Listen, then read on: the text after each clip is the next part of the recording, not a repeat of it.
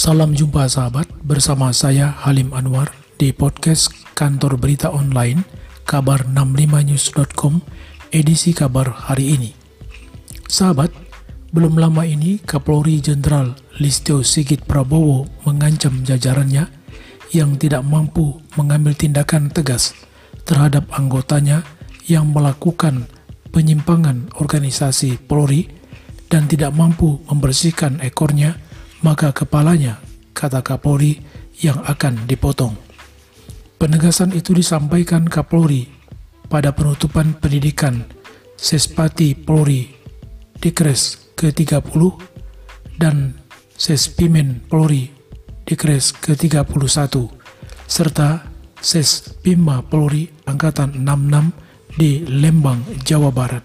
Menghadapi era keterbukaan tentunya rekan-rekan harus peka bagaimana rekan-rekan harus mampu melaksanakan komunikasi publik dengan baik.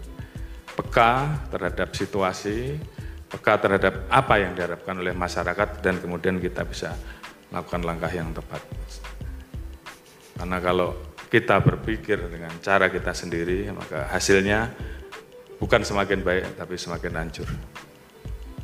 Kapan kita harus introspeksi? Kita introspeksi, jangan nanti kritik. Kritik itu bagian dari upaya untuk memperbaiki kita. Kita terima.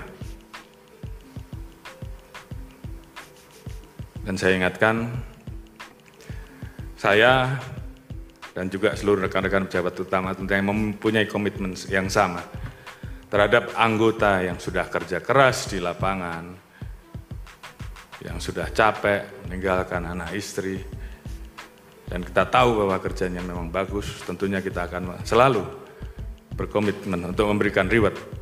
Dan ini tolong untuk dicatat oleh rekan-rekan kalau saya lupa.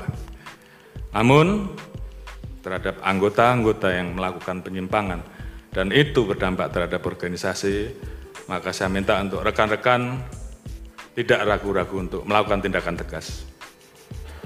Karena ini untuk kepentingan organisasi. Dan mohon maaf, kalau ini tidak mampu, kalau tidak mampu membersihkan ekor, maka kepalanya yang saya potong. Tujuh.